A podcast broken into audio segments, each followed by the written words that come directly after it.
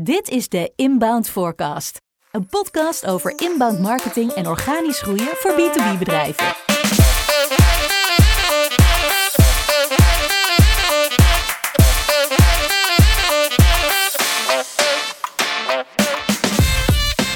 Hier is jullie host, Jero Arkus. Vorige week heb ik al een aflevering gepubliceerd over online PR, digital PR, op basis van een event waar ik in Brighton was. Eigenlijk was mijn idee om direct door te pakken met, ehm, nou ja, eigenlijk nog twee afleveringen voor het Brighton SEO event. Vorige week is dat helaas niet meer gelukt, dus uh, nou ja, ik ben inmiddels weer in Nederland. Hierbij alsnog een aantal highlights uh, op basis van twee dagen congres. Ik wil even beginnen met uh, de donderdag. De dag begon daar met een talk van Ivana Flynn. En dat ging over het belang van een brand zijn. En over branded en semi-branded keywords in SEO. Ze benadrukt het belang van uh, positie 1 pakken op eigen branded termen. Nou, daarna kwam er best wel een algemeen verhaal over het belang van nou ja, non-branded keywords, branded keywords, shorthead versus longtail. Um, een stukje over het beschermen van je merk met copyright, trademark, etc. Een stukje over PPC, om meer zichtbaar te zijn op je eigen branded zoektermen. Stukje over eigenlijk verschillende uh, nou ja, social profielen claimen, op externe platformen aanwezig zijn om met je brand meer zichtbaar te zijn. Uh, een stukje over PR. Eigenlijk best wel een beetje uh, algemeenheden. Ze benadrukte het belang van semi-branded keywords. Dus ook daar de zoekresultaten voor checken in Google en aan je visibility werken. Um, ze had daar ook verschillende voorbeelden. Dus uh, bijvoorbeeld dat affiliate websites een groot deel van de zichtbaarheid in Google op semi-branded keywords pakken voor verschillende bedrijven. Geen vernieuwde dingen. Nu moet ik wel zeggen dat uh, voor heel veel B2B bedrijven waar ik voor werk, zie ik wel dat ze hier veel dingen laten liggen. Veel kansen. Veel laaghangend fruit eigenlijk. Uh, er zijn vaak best wel veel semi-branded keywords, zoekopdrachten die mensen doen in Google, waarop niet het betreffende brand op positie 1 staat. Nou ja, dat is natuurlijk zonde. Dus uh, alsnog wel de moeite waard, denk ik, om even te noemen. De presentatie daarna was van uh, Diane Wieredoe, als ik het goed uitspreek. Uh, heel goed verhaal en dat ging over messaging. Eigenlijk had het weinig met SEO te maken. Ze begon met een voorbeeld. Haar vriend die komt haar kantoor binnen. Hij heeft een probleem. Hij probeert een oplossing te vinden en hij raakt eigenlijk gewoon volledig verward en overweldigd door de hoeveelheid aan onduidelijke content op websites van B2B bedrijven. Nou, vervolgens vraagt hij uh, haar om hulp. En ik vond dit zelf heel herkenbaar, omdat ik daar zelf continu eigenlijk tegenaan loop. Bedrijven die slagen er heel vaak niet in om to the point te komen, om uit te leggen wat ze voor mij kunnen betekenen en hoe ze dat aanpakken. En ik merk dat ik dan afhaak. Nou, dat gaf Diane ook aan. 46% van de respondenten uit een onderzoek die vindt um, messaging op websites te onduidelijk, haakt daardoor af en eindigt een journey zonder aankoop. En ze zegt van um, good copy can't fix bad messaging. En ik vond dat best wel een, uh, een mooie quote. Een andere quote die ze erin gooide was: Create messaging that resonates with your audience. Nou, wat is dan messaging? Messaging um, articulates the most important things about your company and product and why that matters to your audience. En zij zegt het verschil met copywriting is dat messaging is about what you say, copywriting is about how you say it. Nou, vervolgens ging ze in op drie veelgemaakte fouten met messaging. Fout 1, uh, too many messages. Dus uh, overweldigend, blijf niet hangen. Ze gaf aan, find your uh, messaging focus. Wat is nou je one key message? Nou, uh, mistake 2. Um, Product-centered messaging. Het me-me-me-syndroom. We verkopen niet het product, maar de uitkomst. De betere versie van onszelf. En proberen continu te denken, what's in it for me? Verplaats je in de klant. Nou, en dan mistake 3. Uh, fake, jargon en buzzword-filled messaging. Uh, en dan niet dat een tekst één buzzword of een stukje jargon bevat, maar eigenlijk gewoon op grote schaal. Buzzwords are bullshit, al dus Diane. Ehm, het is makkelijk verkeerd te interpreteren, omdat we allemaal andere definities hebben van die verschillende buzzwords. Dus word concreet, gebruik de taal van je klant. De presentatie daarna was van Therese Litsa. Ehm, en dat ging over ehm, hoe onze hersenen ons uniek maken ten opzichte van AI. Ze geeft aan, bijvoorbeeld op het gebied van empathie, creativiteit, kritisch denken, storytelling, intuïtie, originaliteit. Mijn eerste gedachte, ik denk dat het nu deels zo is wat ze zegt. Ik denk alleen niet dat dat heel lang duurt. Ik heb zelf twee tips op basis van uh, nou ja, waar ik aan moest denken bij dit verhaal. Eén, dat is een long read van een week of zes geleden. Waarin uh, Sam Altman van OpenAI uh, over een langere periode werd gevolgd door een journalist van The Atlantic. En um, twee, dat is een interview die staat op YouTube van, ik geloof iets van 2,5 uur met de CEO uh, van Anthropic, Dario Amodei. Um, en als je die twee, nou ja, interviews of stukken eigenlijk consumeert, um, nou ja, ik begin op basis daarvan wel heel erg te twijfelen te twijfelen aan wat zij zegt uh, en hoe lang het nog duurt voordat dat niet meer zo is. Uh, ging in op hoe AI te gebruiken, dus als een sparringspartner, uh, analyst, creator, automation agent. Vervolgens was het heel praktisch, vrij basic. Ehm, het ging eigenlijk een beetje in de richting van wat we dagelijks op LinkedIn heel veel zien. Dus heel veel verschillende tools. Mijn gevoel na deze talk, we onderschatten hoe snel de ontwikkeling gaat. We moeten niet te veel focussen op de state van AI van vandaag. Maar ik denk juist op de state van AI um, van waar het heel snel gaat zijn. Uh, en dat is ja, iets heel anders, denk ik, dan wat zij vertelde. Nu ben ik zelf enorm veel aan het testen met AI. Dat geldt niet voor iedereen. En ik denk ook dat daarom die praktische kant wel goed is. Dat het ook belangrijk is dat meer mensen daarmee aan de slag zouden moeten. Um, ze sloot de talk af met een uitspraak dat uh, mensen niet vervangen worden door AI, maar door andere mensen die met AI kunnen werken. Nou, dat is een quote die ik de laatste tijd heel veel voorbij zie komen. Waar ik het eigenlijk ook een aantal maanden geleden mee eens was, uh, maar nu niet meer. Natuurlijk zit daar een kern van waarheid in.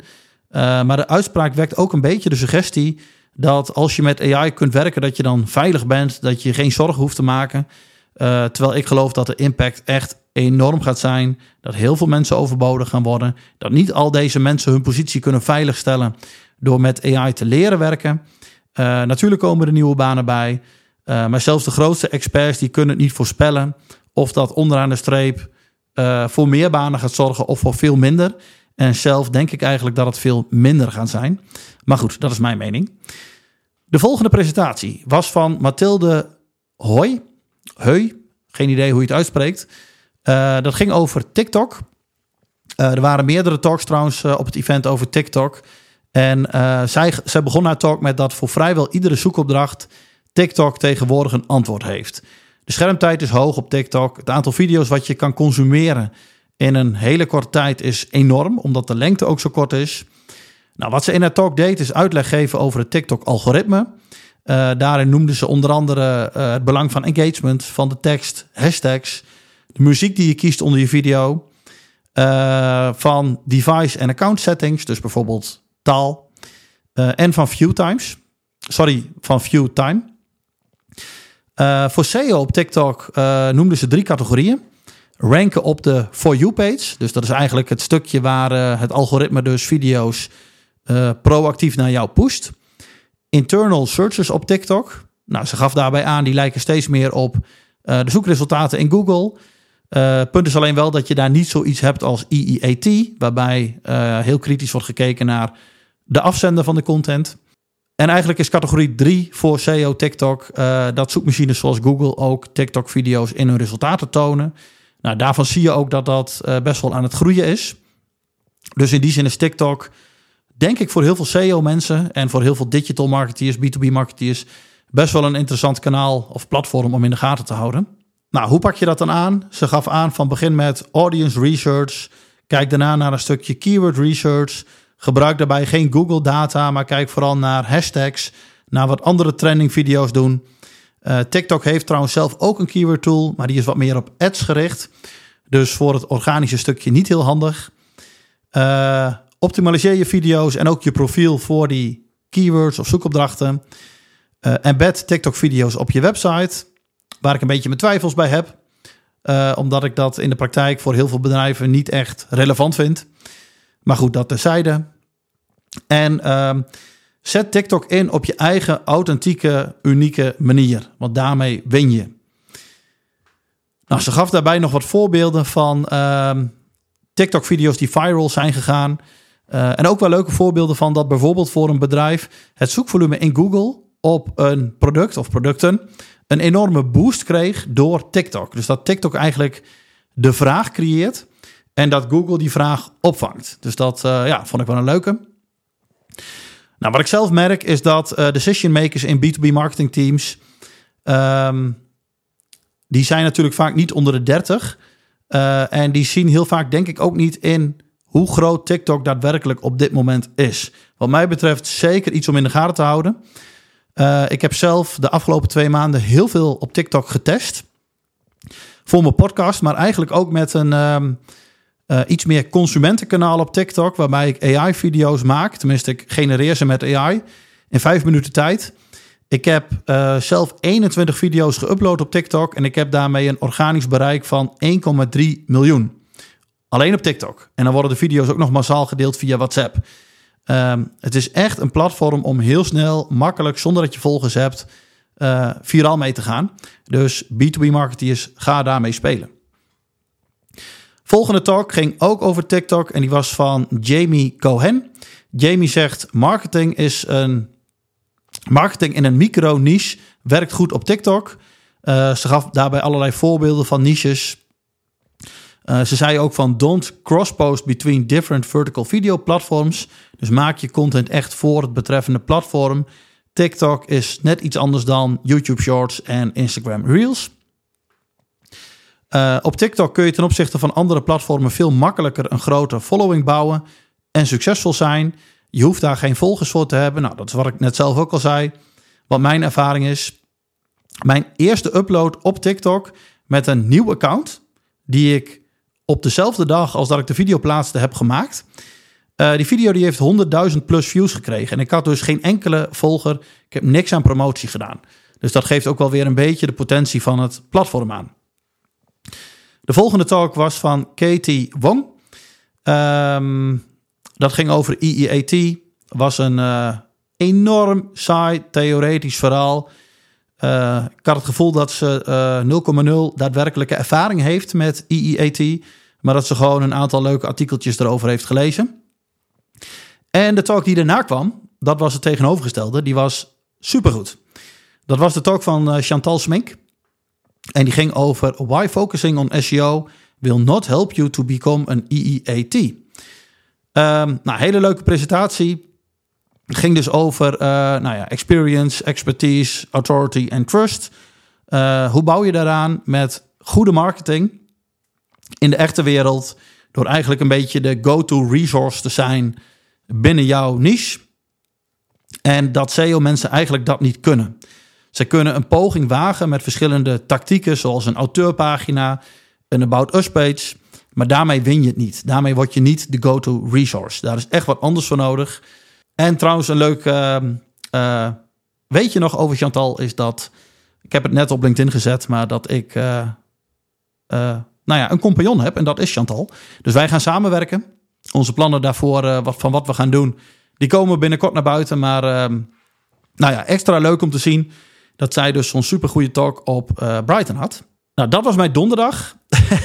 Toen ging het feestje verder in de kroeg. De vrijdag. Uh, vrijdag heb ik wat minder sessies gevolgd. Om dezelfde reden.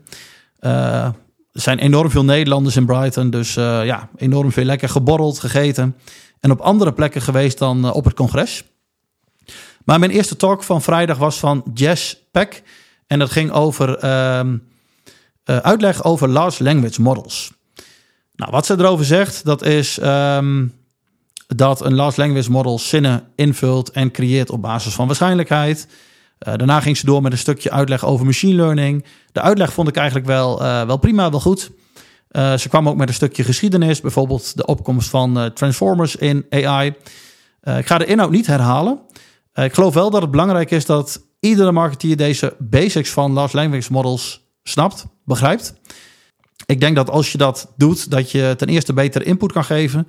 Ten eerste of ten tweede de output van een large language model veel beter kan beoordelen. En ik wil eigenlijk ook nog wel iets aan haar talk toevoegen. En dat is dat als je snapt hoe een large language model werkt, is het heel verleidelijk om te denken dat een large language model vrij dom is.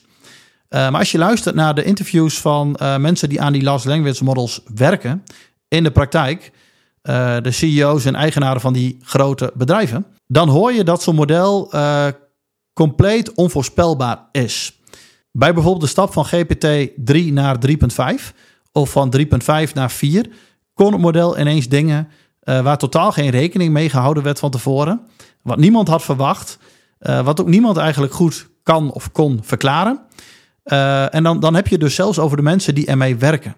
Uh, dus ja, weet je, die modellen zijn natuurlijk tot enorm veel in staat. En het is heel verleidelijk om te denken dat ze heel dom zijn. En uh, om te denken dat het voor heel veel toepassingen ook niet geschikt is. er wordt ook hard gewerkt aan de uitlegbaarheid en interpreteerbaarheid van verschillende AI-modellen. Zodat we onder de motorkap ook begrijpen wat er gebeurt of gebeurd is om tot bepaalde output te komen.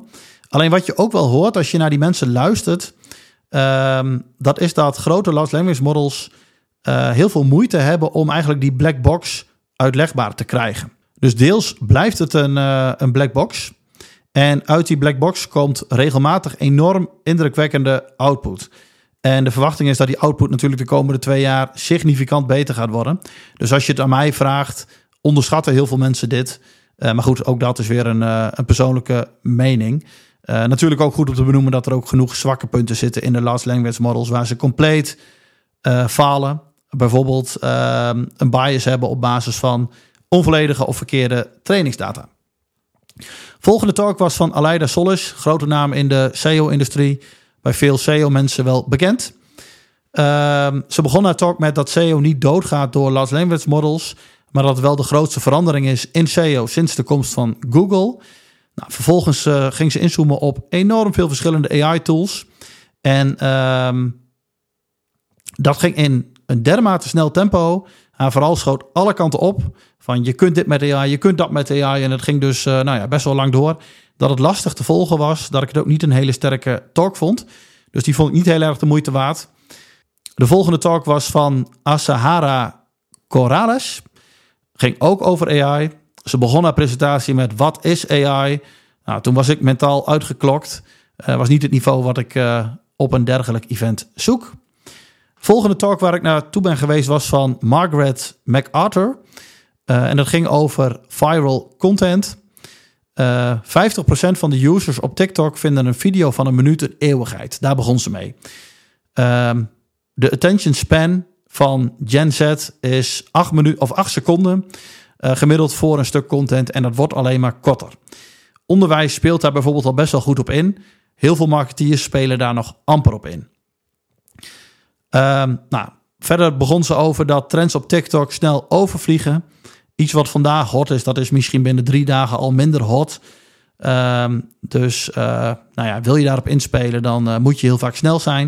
Ik denk overigens wel dat dat iets meer voor B2C dan voor B2B geldt. Uh, tenminste, de B2B content die ik zelf zie op TikTok uh, gaat toch iets minder, op de trends in. Uh, daarna gaf ze heel veel inspiratie voor TikTok-video's en gaf ze nog een aantal tips om viraal te gaan. Dus skip intro's, snel inspelen op bijvoorbeeld trending sounds, die veel worden gebruikt door dus andere trending video's. Niet bang zijn om uit je niche te stappen. daar was ik het niet helemaal mee eens. Natuurlijk kun je wel een beetje dingen gaan uitproberen en gaan testen en kan het soms misschien ook wel wat meer in de humoristische hoek, zitten op TikTok. Alleen ik denk juist dat uh, uh, trouw blijven aan je niche ook wel heel belangrijk is. Uh, en ze zei, prioriteer supermooie content ehm, niet boven de hoeveelheid content die je kan publiceren. Met hoge aantallen leer je heel snel wat werkt, wat niet. En heb je veel meer kans om viraal te gaan. Ze vergeleken het volgens mij ook met een soort van loten in de loterij. Eigenlijk is meer video's gewoon meer loten, zeg maar, waarmee je kans gaat om een heel groot bereik te pakken. Nou, de volgende talk was van Katie Powell. En um, dat ging over dat PR-mensen vaak weinig tijd besteden aan het bedenken van een idee. Uh, gemiddeld is dat twee uur, terwijl zij zelf soms wel twee weken met het idee bezig is. ze gaf aan dat de concurrentie enorm is op websites die PR-stukken indienen en dat het aantal journalisten daalt. Dus dat dat ideation stukje echt enorm belangrijk is. En dat heel veel mensen, heel veel PR-mensen eigenlijk, uh, veel te veel tijd besteden aan execution. Uh, ja, en eigenlijk dus strategie en ideation overslaan. De talk daarna was van Catherine Jones. En uh, zij begon met: uh, Zou jij of zou iemand je content missen als het ineens helemaal verdwenen zou zijn? Ik vond het een hele goede opening, omdat ik daar zelf ook heel vaak over nadenk. En omdat ik gewoon zie dat het voor de meeste B2B-bedrijven niet zo is. Die content zou je niet missen als het in één keer weg zou zijn. Um, alleen dat was voor mij ook gelijk het einde van het evenement. Uh, toen zijn we lekker een hapje gaan eten met wat mensen de kroeg in gegaan. En uh, hebben we een hele gezellige middag gehad. Nou, eventjes uh, algemeen, samenvattend. Ehm, voor mij was een beetje het, het verhaal van Chantal ook wel de rode draad door het evenement. Uh, ik heb uh, veel van de sessies die ik wilde bezoeken uiteindelijk niet bezocht. Maar ze gingen over onder andere het worden van een brand. Search op andere platformen zoals TikTok. Uh, en ook daarbij shortform content. Ze gingen over het maken van hele goede content en hoe je AI als een soort van tool in dat proces kan gebruiken. ze gingen over het worden van de afzender die Google wil tonen. Uh, dat kan zijn een bedrijf, maar dat kan ook zijn de persoon. Um, en ik had me eigenlijk voorgenomen voordat ik naar het evenement toe ging dat Brighton SEO mijn laatste nou ja, editie zou zijn van het evenement. Maar eigenlijk de dingen die je moet doen voor goede marketing en waar SEO veel meer een gevolg van is, ja, die kwam ik eigenlijk continu tegen op dit event. Dus dat vond ik eigenlijk wel super leuk. En daarmee is het denk ik ook wel veel meer een evenement geworden voor de niet-SEO'er, voor de gemiddelde, nou ja, ook B2B-marketeer, om gewoon over verschillende onderdelen vanuit een ander perspectief te kijken en iets interessants te leren. Uh, en het is natuurlijk gewoon super gezellig. Voor mij is dit het gezelligste evenement uh, waar ik kom. Heel veel Nederlanders, heel veel kroegen. Dus uh, ik ga volgend jaar zeker weer. Ik vond het niveau van 75% van de sprekers wel van een te laag niveau. Maar goed, dat is wat het is. in de kroeg hoorde ik van andere talks waar ik niet ben geweest, want er zijn best wel veel verschillende zalen waar parallel dus sessies worden gegeven. Uh, heb ik wel goede verhalen gehoord over uh, talks over entities. Daar hebben we ook nog uh, enorme discussies met elkaar over gehad in de kroeg. bijvoorbeeld over wat is nou nog de waarde van structured data in een tijd waarin large language models tekst eigenlijk zelf ook heel goed begrijpen. Of ook wat is bijvoorbeeld de waarde van een knowledge panel krijgen als persoon, als subject matter experts uh, in Google is dat bezigheidstherapie of uh, zorgt dat ook daadwerkelijk voor betere marketingresultaten? Nou, het zijn wel leuke uh, onderwerpen om over na te denken. Kan de investering uit van dat soort werkzaamheden of uh, kun je dat beter laten liggen? Verder had ik eigenlijk ook wel een beetje een, een nou ja, sfeertje verwacht van AI gaat alles van ons overnemen. maar eigenlijk was het ook wel een beetje alsof er niks is veranderd het afgelopen jaar. Natuurlijk gaan wel meer talks over dat soort onderwerpen worden er wat grapjes over gemaakt. Maar uh, ja, niemand houdt er heel uh, sterk rekening mee dat, uh, dat CEO, nou ja, een compleet andere richting opgaat. Of misschien wel dood is of doodgaat op hele korte termijn. Dus dat vond ik ook wel interessant om te horen en te zien. Bedankt voor het luisteren naar de Inbound Forecast. En vergeet niet om je te abonneren via YouTube of in je favoriete podcast app.